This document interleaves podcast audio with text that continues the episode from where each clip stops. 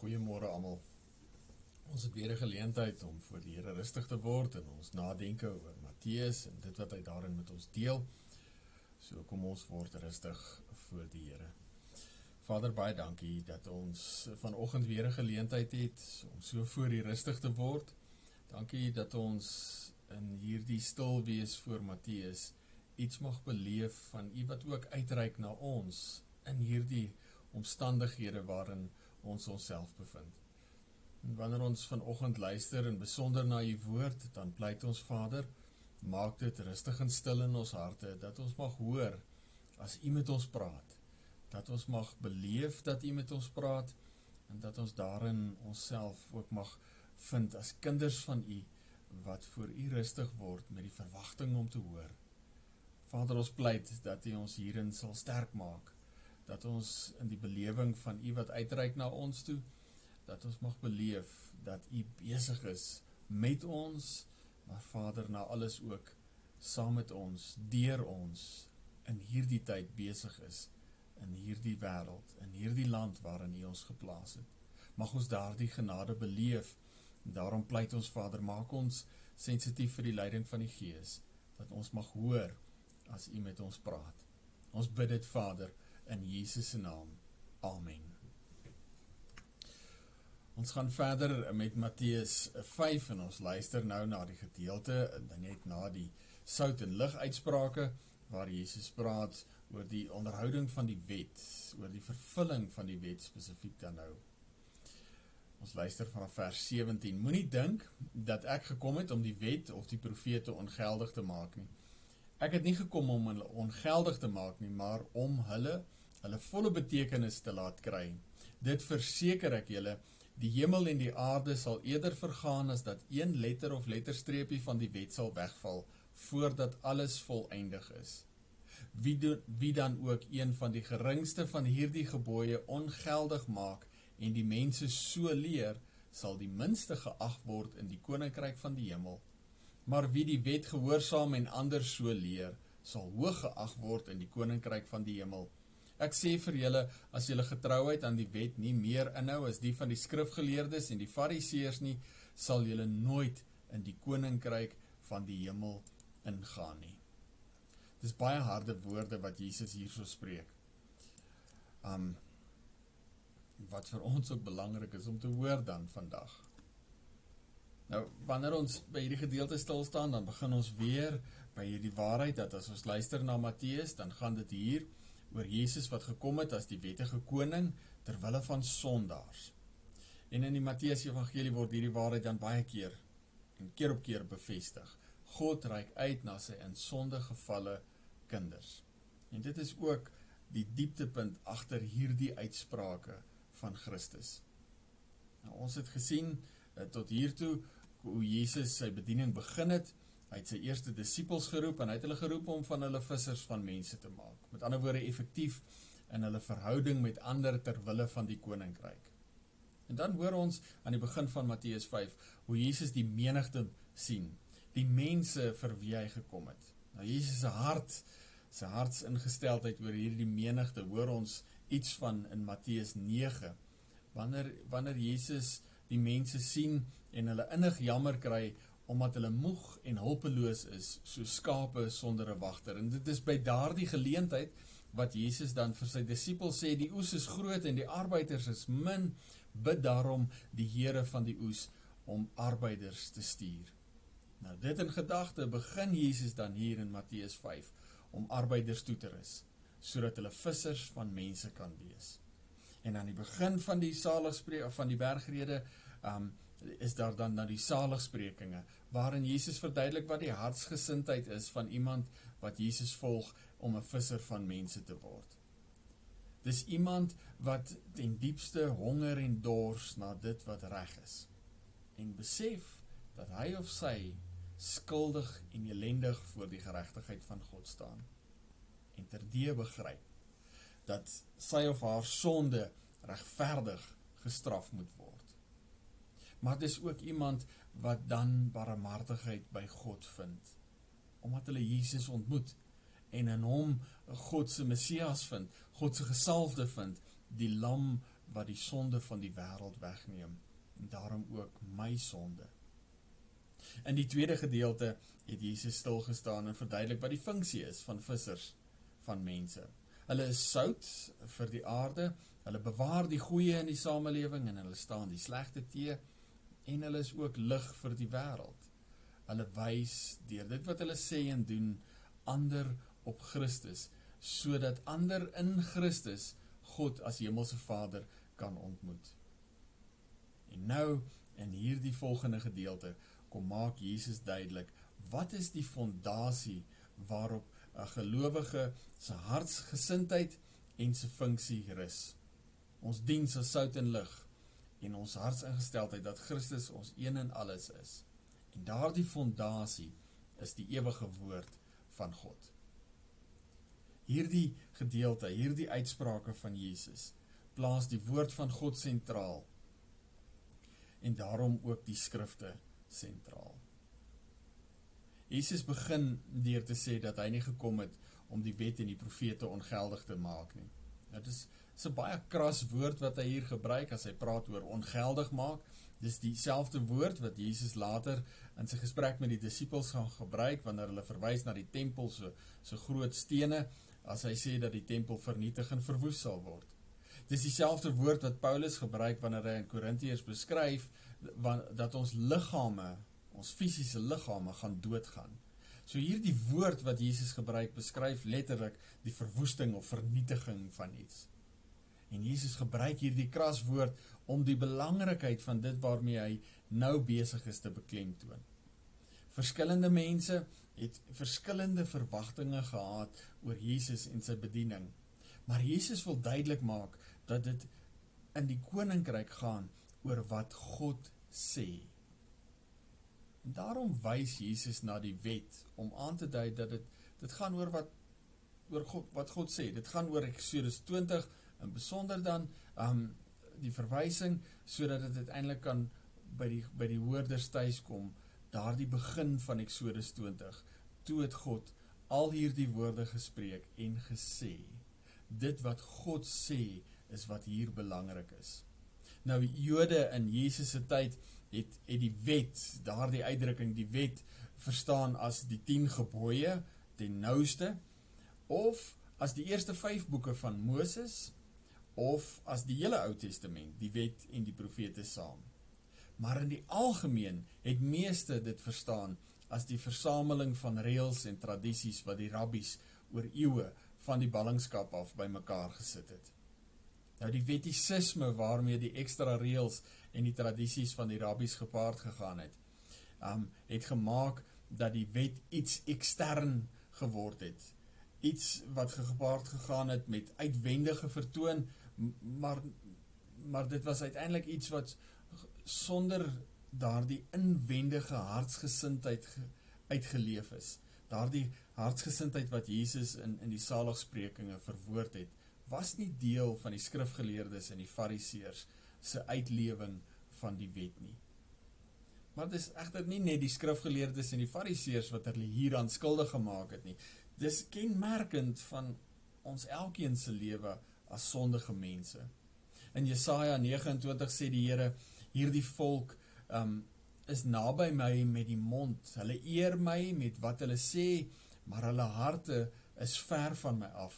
Hulle dien my soos mense dit wil hê, nie soos ek wil nie. En dit is hier vir ons belangrik om weer te onthou dit wat ons ook in die katekismes bely, wat die doel van die wet is. Die bedoeling van die wet was om duidelik te maak dat ek nie kan nie en daarom 'n verlosser nodig het. Die wet moes my bring uh, tot by die punt om te smag na reg en geregtigheid, ook ten opsigte van my eie lewe.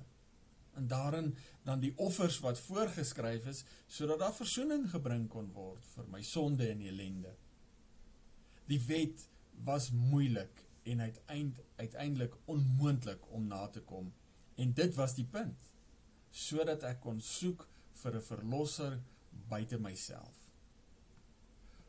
Maar wat die skrifgeleerdes en die fariseërs gedoen het, was om vas te val in 'n gestry oor woorde. Hulle het gestry uh, oor dinge soos op die Sabbatdag het die Here gesê moet jy rus van al jou werk. En daarin het hulle begin gesels en gewonder oor okay, maar wat is alles werk en sou dit beteken dat as jy 'n las dra, jy werk en hulle het tot by die punt gekom om te verstaan dat dit wel so is. As jy 'n las dra, dan werk jy. Maar wat is dan 'n las?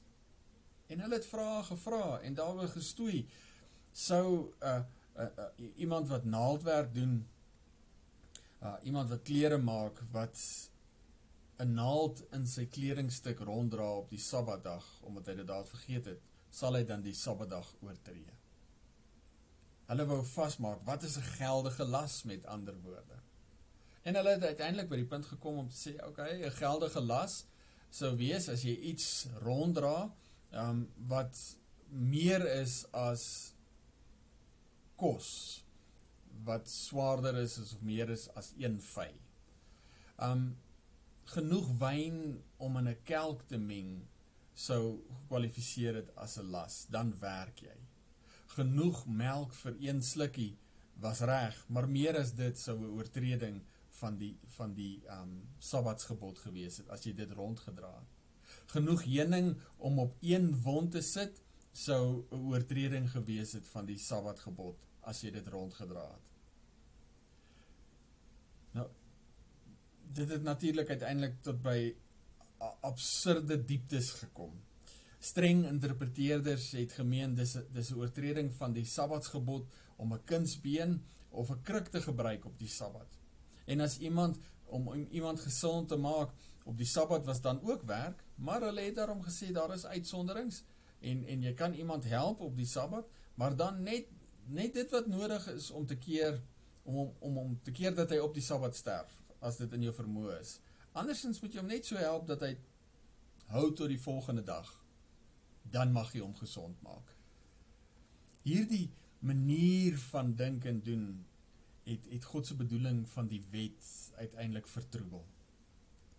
Dit het die indruk geskep dat 'n mens die wet kan onderhou deur en al hierdie detail dingetjies in te gaan, het hulle gesê maar hierdie is iets wat jy kan doen. So doen dit.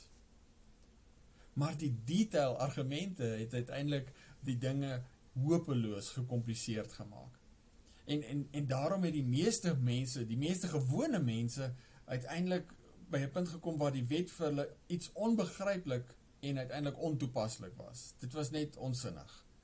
Um mag jy 'n kind optel op die Sabbat? want dalk werk jy, mag jy 'n lamp skuif op die Sabbat, want dalk werk jy, mag jy 'n naald ronddra.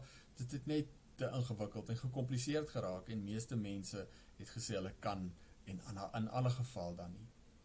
Net net die groot gelowiges wat gedink het hulle kan die wet onderhou, het die moeite gedoen om te doen wat hulle kon doen, soos wat hulle besluit het om te doen. Maar hiermee saam het hulle ook moeite gedoen om vir die gewone mense duidelik te maak dat indien jy nie soos hulle dien nie, jy nie in die koninkryk kan inkom nie. En dit is teen hierdie agtergrond dat Jesus hierdie kras woord gebruik dat hy nie gekom het om die wet en die profete te verwoes nie. Want van sy disippels het waarskynlik daarmee geworstel. Omdat hulle gedink het die woord, die wet is onbegryplik en ontoepaslik. En dit het niks te sê vir hulle lewe nie. Ook die eerste hoorders moes dit hoor. Hoorders wat gestoei het met die geldige vraag na hoe die onderhouding van die wet en die uitreik na die heidene mekaar ontmoet het. Die wet en die profete is nodig as jy wil uitreik na die heidene.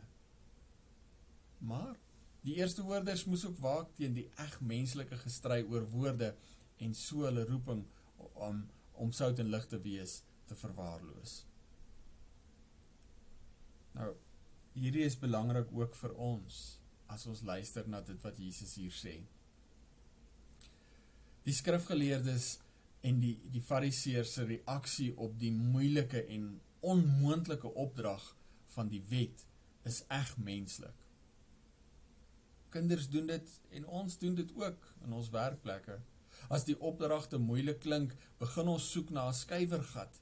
Ons stoei met die woorde van die opdrag. Wat beteken dit? Wat bedoel dat? En as jy nie opreg is nie, kan jy maklik by 'n punt kom waar jy jouself bluf. Ek is mos besig met die opdrag. Ek weier mos nie om die opdrag uit te voer nie, maar uiteindelik doen ek of niks of ek doen iets anders. En daarom waarsku Paulus ook die vroeë kerk teen en oor die nuttelose gestry en die vrugtelose gepraat oor dinge omdat dit skadelik is vir die hoorders. Jesus praat hier van die wet en die profete en wys daarmee na die skrifte. Dit wat die eerste hoorders in vandag se terme sou erken het as die Ou Testament.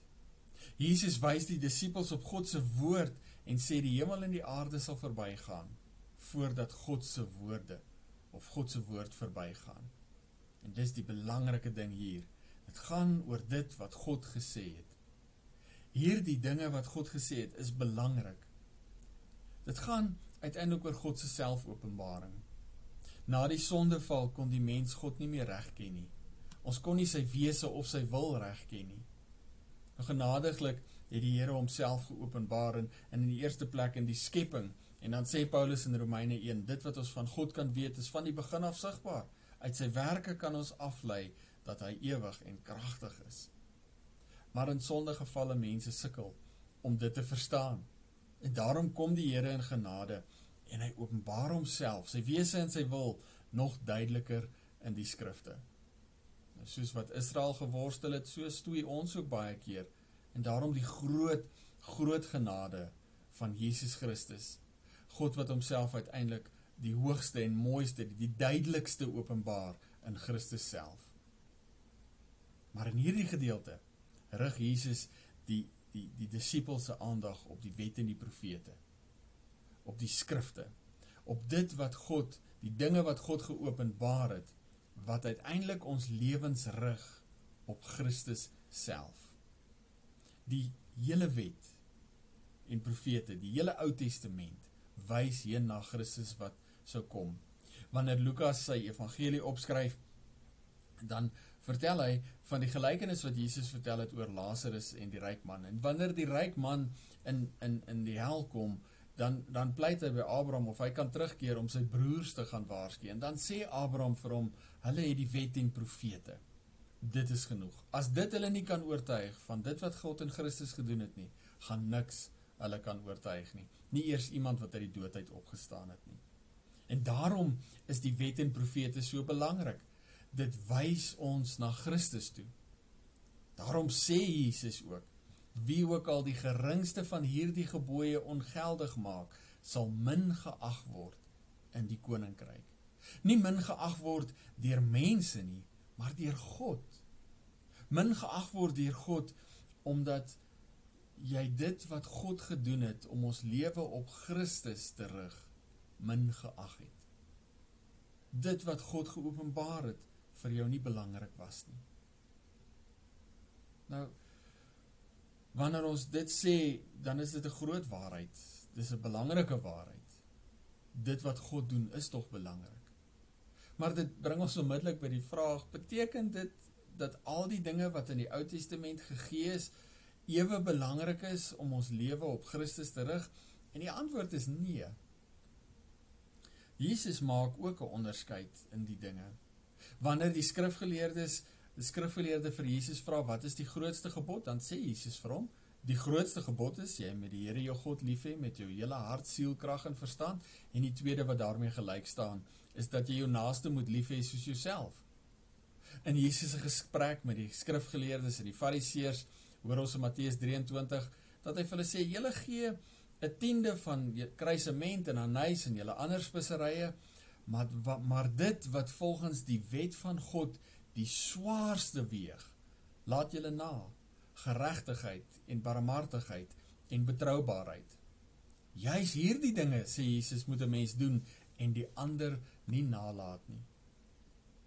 Al die wette, alles wat geskrywe staan, alles in God se woord staan vas omdat dit as deel van die wet en profete wys op Christus en God se verlossingsplan vir sy mense.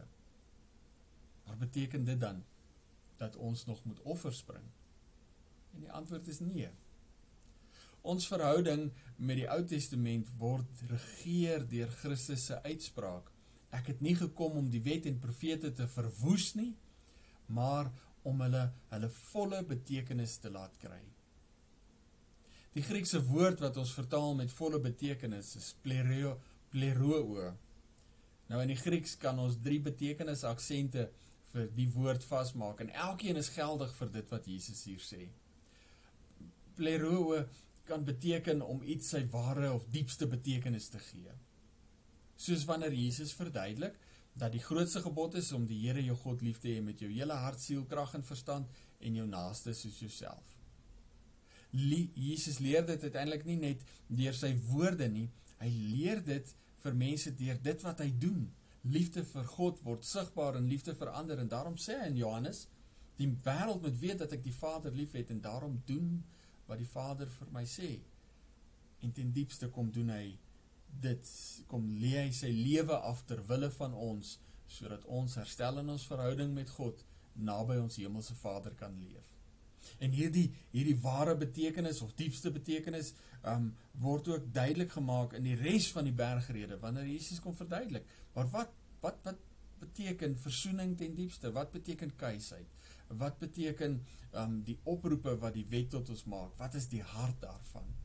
So pleroo beteken om aan iets sy diepste betekenis te gee. 'n Tweede betekenis sou wees om dit volkome uit te voer of te volbring. Nou Jesus kom en is volkome gehoorsaam aan dit wat die wet en die profete eis. Hy kom die onmoontlike eise van die wet na sodat ons kan deel in die verlossing en vryspraak wat hy vir ons verwerf. So Christus volbring die wet deur te doen wat ons nie kon doen nie. Hy kom dit na. Hy leef hart en siel gehoorsaam sonder sonde aan dit wat God gevra het. En omdat hy dit gedoen het, kan hy as lam van God uiteindelik ook in ons plek sterf en so vir ons verlossing verwerf. Die derde betekenis van van plereo is om om te verbring deur tot 'n einde te bring. En ook dit is 'n geldige betekenis vir dit waar waaroor Jesus hier praat. Jesus volbring die offers van die Ou Testament. Ons hoef nie meer offers te bring nie omdat dit volbring is in Christus. Ons hoef nie offers te bring nie omdat die perfekte offer reeds gebring is.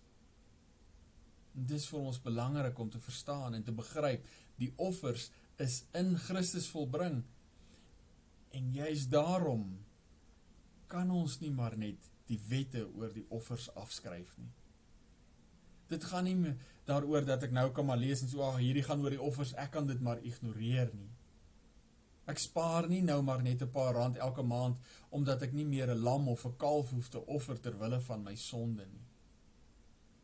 Ook daardie wette, daardie dele van die Ou Testament wat in Christus volbring is, wys op my sonde en ellende. Maar ook genadiglik na Christus toe. Hy het dit volbring en daarom hoef ek nie meer 'n lam te offer nie. Ek moet wel dien ooreenkomstig lewe. Met ander woorde, in uit dankbaarheid vir dit wat God in Christus gedoen het, my hele lewe teruggee in diens aan God. Daardie oproep in Romeine 12 vers 1: Gee julleself as lewende heilige offers. Wanneer Jesus in hierdie gedeelte met ons praat, dan sê hy wie ook al die wet en profete gering ag, 'n deel daarvan gering ag en ander so leer, sal die minste geag word, geag word in die koninkryk, omdat hulle dit wat God doen minag of gering ag. Maar aan die ander kant sê Jesus dat wie ook al die wet en profete gehoorsaam en ander so leer, sal die grootste genoem word deur God nie groot omdat ons goed of oulik is nie, maar omdat ons nederig gehoorsaam is. Omdat ons in afhanklikheid dit wat God doen hoog ag. Dit hoog hou sodat ander kan sien en verstaan. Jesus spesifiseer spesifiek die wat gehoorsaam is aan die wet en ander so lewe, so leer. Dit gaan hier oor vissers van mense wees oor effektief wees in my verhouding met ander ter wille van die koninkryk. En ek is alleen effektief in my verhouding met ander wanneer my lewe wys op Christus. Alleen deur Christus kan enigiemand anders God as hemelse Vader ontmoet en daarom die erns met die wet en profete, met die woord van God om dit gehoorsaam na te kom, om gehoorsaam daaraan te lewe en ander so te leer. As disippels van Christus wil ons aan ander die bes moontlike geleentheid gee om Christus raak te sien, om te hoor en ons Vader te ontmoet. Daarom is Jesus as wettige koning se wettige opdrag in Matteus 28 gaan na al die nasies toe, na die menigte toe en maak die mense my disippels, doop hulle en leer hulle om alles te onderhou wat ek julle beveel het. Die Bybelse definisie vir vir disippelskap vind ons in 1 Korintiërs 11 vers 1: Volg my voorbeeld, sê Paulus, soos ek die voorbeeld van Christus volg. Woorde en dade is belangrik. Dit God gesê, dit wat God gesê het en wat God gedoen het, word uiteindelik die waarheid waar rondom ek my hele lewe en bediening bou. In Jesus se tyd het dit skeef geloop omdat die skrifgeleerdes en die fariseërs dit afgebreek het. Die bedoeling van God daarin um dwars getrek het. Oor die skrifgeleerdes en die fariseërs se manier van doen sê Jesus vir sy disippels in Matteus 23 wat hulle vir julle sê moet julle doen, maar hulle voorbeeld moet julle nie volg nie. En daarom Jesus se skokkende uitspraak as julle getrouheid aan die wet nie meer inhou as die van die skrifgeleerdes en die fariseërs nie, sal julle nooit in die koninkryk van die hemel ingaan nie. Dit is 'n vermaaning wat selfs ons vandag ernstig ter harte moet neem. As julle getrouheid aan die wet nie meer inhou as die as die van die skrifgeleerdes en die fariseërs nie, sal julle nooit in die koninkryk van die hemele ingaan nie. En hier is dit belangrik om te onthou, die skrifgeleerdes en die fariseërs het die indruk geskep dat 'n mens die wet kan onderhou. Maar hulle detail argumentasie daaroor het dinge hopeloos gekompliseerd gemaak en gemaak dat gewone mense begin begin dink dat die wet onbegryplik en daarom ontoepaslik is. Dit het niks te sê vir ons gewone lewe nie, vir ons alledaagse lewe nie. Nou net binne hulle raamwerk het net die groot gelowiges En daar is 'n groot verskriklike uitdrukking, 'n slegte uitdrukking. Net die groot gelowiges kon die wet onderhou. Hulle het die die skrifgeleerdes het daarom ook moeite gedoen om om om te doen wat hulle kon doen, hierdie reeltjies wat hulle vir hulle self gemaak het na te kom, maar ook om vir die gewone mense duidelik te maak dat indien hulle nie dien soos wat die skrifgeleerdes en fariseërs sê nie, hulle nooit in die koninkryk sal kom nie. En Jesus sê nee bly getrou aan die wet en profete. Bly getrou aan dit wat God doen en sê. Bly getrou daaraan. Want dit is God se openbaring. Dit is wat God sê en dit is wat God doen. Dit gaan nie hier uiteindelik daaroor dat ek um oor dit wat ek dink ek kan doen om my eie verlossing te verwerk nie. In my eie krag te probeer verwerk nie. Dit gaan hier oor 'n nigter 'n nigter verstaan van wie ek is as ek voor die wet en profete staan. Oor wie ek is as ek voor die spieël van God se woord staan. 'n Sondaar, sondaar. 'n Elendige sondaar. Maar in dieselfde asem hierdie aangrypende genade. As ek voor die woord van God staan, voor dit wat God gesê en gedoen het, dan is ek ook in dieselfde asem die een wat deur God begenadig word. Terwyl ek voor die die woord van God staan, kan ek Christus uiteindelik sien. Ek kan Christus sien, die een op wie die wette profete gewys het. En wanneer ek hom vind, die woord word die woord word die skrifte die waarheid waar rondom ek my lewe en bediening bou. En hierdie is die kern wat Christus in hierdie gedeelte wil vaslê. Die woord, God se woord, dit wat hy sê en uiteindelik doen, is die hart van ons lewe en bediening. Dis die fondasie waarop ons gesindheid, waaruit ons gesindheid groei, maar waarop ons bediening as sout en lig gebou word. En dis vir ons vandag die Ou en die Nuwe Testament. Jesus sê in in Johannes 14 dat die die die Gees van die waarheid ons sal lei in die volle waarheid. En dit is die die woorde wat deur die Nuwe Testamentiese skrywers uiteindelik opgeteken is. Want sê Petrus, niemand skryf die woorde van God neer sonder die leiding van die Heilige Gees nie. Ou en Nuwe Testament is die woord van God en rig ons lewens op Christus sodat ons ons hemelse Vader kan ontmoet. En daarom beklemtoon Jesus die woorde van God. God se woord is gerig op 'n lewe vol betekenis omdat ons hom kan ontmoet en daarom gehoorsaam naby hom kan leef en saam met hom kan werk. En as jy stil gestaan het by die dagstukkies van hierdie week wat verby is, dan sou jy gesien het elke keer daar in die psalms die verskillende sinonieme wat gebruik word vir die woord van God en die gevolge wat dit in ons lewe het. Die bedoeling van die woord is nie net te eng verstaan in terme van van wette wat sê doen dit of doen dit verkeerd en jy word gestraf nie. Dit gaan oor God wat uitreik na sy kinders al is hulle in sonde gevalle om om vir hulle 'n lewe moontlik te maak, 'n lewe waarin hulle kan word wie en wat God bedoel het hulle moet wees. So wanneer ons in hierdie gedeelte gekonfronteer word met die woord van God en en Jesus se se beklemtoning daarvan, dan is die woord van God na alles God se hartsuitroep oor die eeue heen.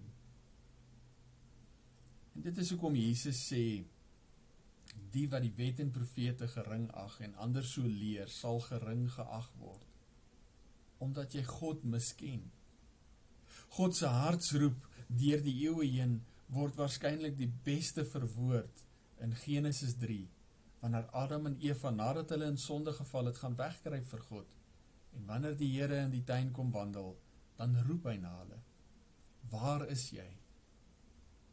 En dis daardie selfde oproep wat deur die eeue tot die volk kom, tot Israel kom en tot ons kom deur die wet en profete en in besonder deur die Nuwe Testament, in besonder in Jesus Christus. God wat sê, "Waar is jy?" God wat roep, "Kom huis toe." Daarom is dit so aangrypend om ook te hoor as Jesus sê, "Ek is die weg, die waarheid en die lewe." Niemand kom na die Vader toe behalwe deur my nie. Hy is die woord wat mens geword het. So wanneer Jesus sy disippels begin toerus as vissers van mense, maak hy duidelik wat hulle hartsgesindheid is, um, die saligsprekinge. Hy maak duidelik wat hulle funksie is, hulle sout en lig, maar hy maak ook baie duidelik wat die fondasie vir daardie lewe van vissers van mense is. Dit is die ewige woord van God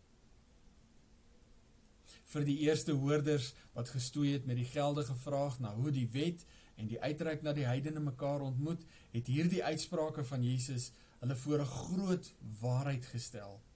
Die wet, God se woord en die uitreik na die heidene staan nie teenoor mekaar nie.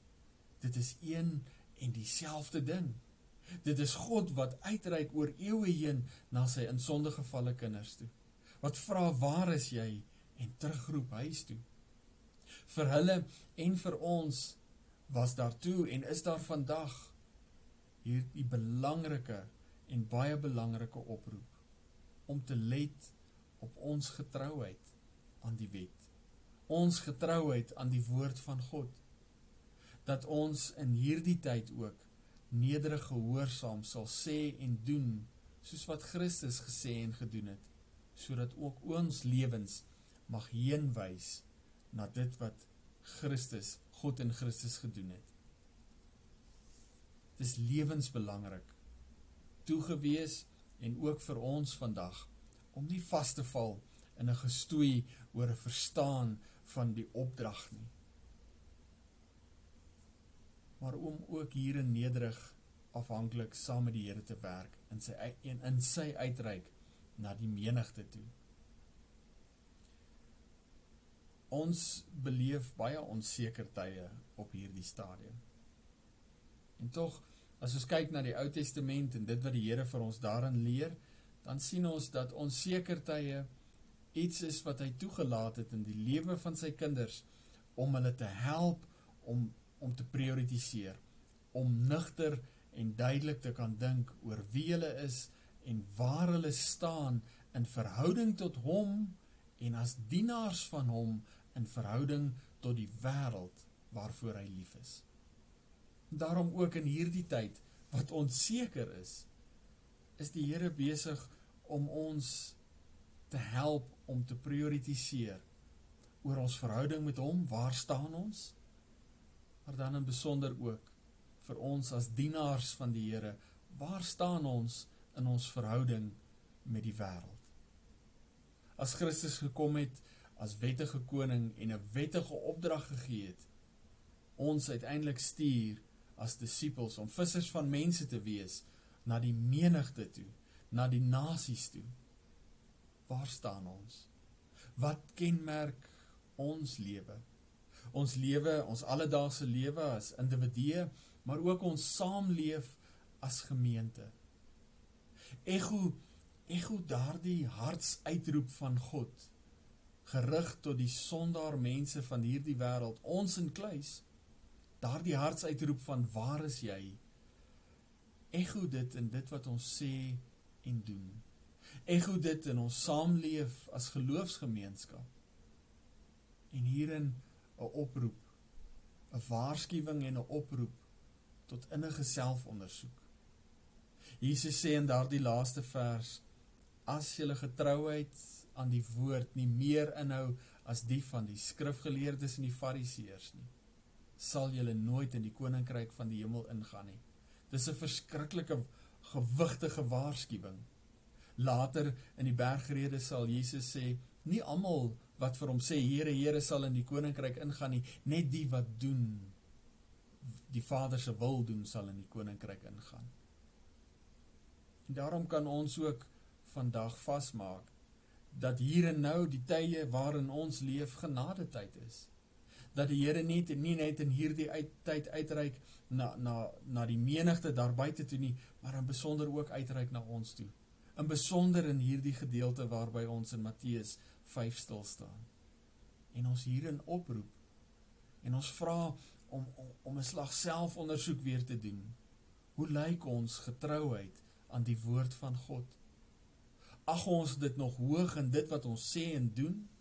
Ag ons dit nog hoog in ons alledaagse lewe deur reg erns te maak daarmee omdat ons wanneer ons ons lewe bou rondom die woord van God ons lewe dan optimaal heenwys na Christus toe ag ons die woord van God nog hoog genoeg om regtig erns te maak boon behalwe erns te maak om dit uit te dra na die menigte sodat hulle God kan ontmoet in Christus.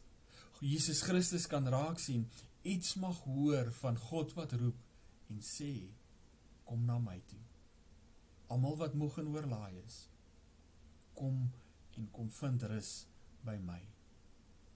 Kom ons maak hierin erns as gelowiges en as gemeente saam.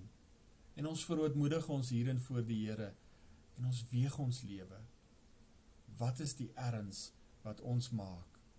Hoe lyk ons getrouheid aan God se woord in hierdie tyd?